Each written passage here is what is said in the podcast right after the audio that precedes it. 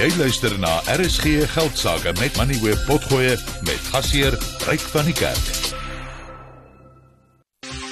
RSG Geldsaake met Money Web elke week saand tussen 6 en 7.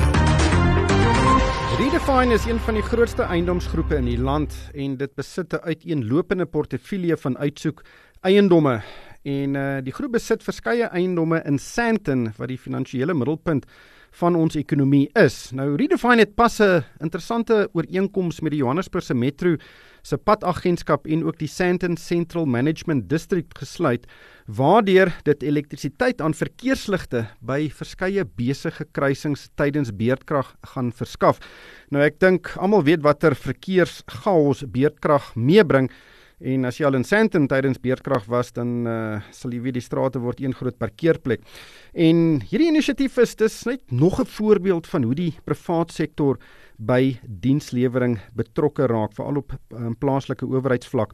Scott Thornburn is van Redefine. Scott, thank you so much for your time. Tell us about this initiative and why you're doing it.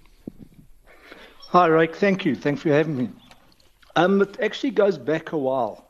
Uh, a lot of the properties owners within Sandton Central, as well as the tenants, form the three CIDs within Sandton Central. Uh, going back to 2009, when load shedding sort of became a reality for the first time, but hard to believe it was so long ago, but it was. Uh, we actually had this idea to use our generators within the properties to run the, the, the robots when they ran out of power.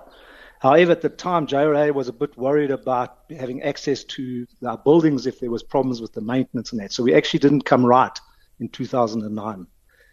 Uh, when it got a little bit worse um, in 2022, 2023, we again approached the uh, JRA, uh, the acting GM Louis Nell, and we actually got a great amount of traction. Uh, initially, we donated six UPSs and we put those in, in 2009, we put those at intersections, which helped, but we had to implement pointsmen and was very costly for us to supplement to make sure people could get in and out of Sandton. The 2022-2023 discussion was very positive. As you say, if, if, we all have the same goals, we can get there very easily. Uh, and of, as of today, all the corporates jumped in, including Redefine. Um, for us, it really resonates with us because we're always opting for the upside and we're looking to make a difference where, wherever our properties are. Mm. So we've we've looked after three intersections. Um, the initial intersection was Investec, uh, the corner of Rivonia and Sandton, Sandton Drive, where they sponsored the first one and also looked after the very first contract. Since then, we have now done 24 out of 30 intersections in Sandton, which is about 80% of the precinct, which makes a huge difference to the traffic within the precinct.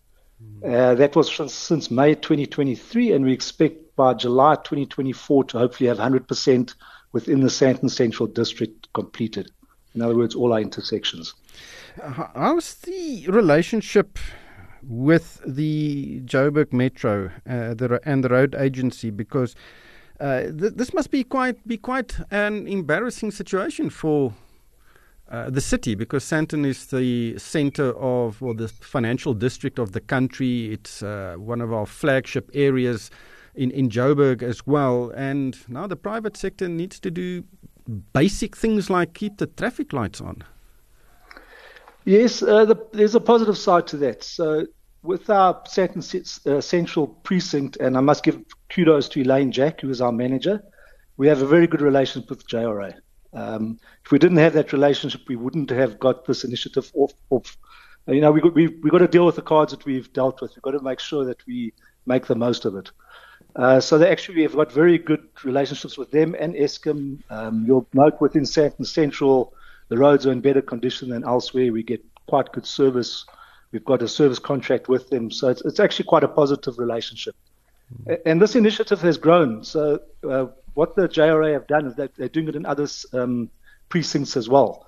Rosebank, where we're also big property owners, we we we looking after a traffic light there, and soon they'll also be 50, 60 percent of their traffic lights will also be done through this initiative.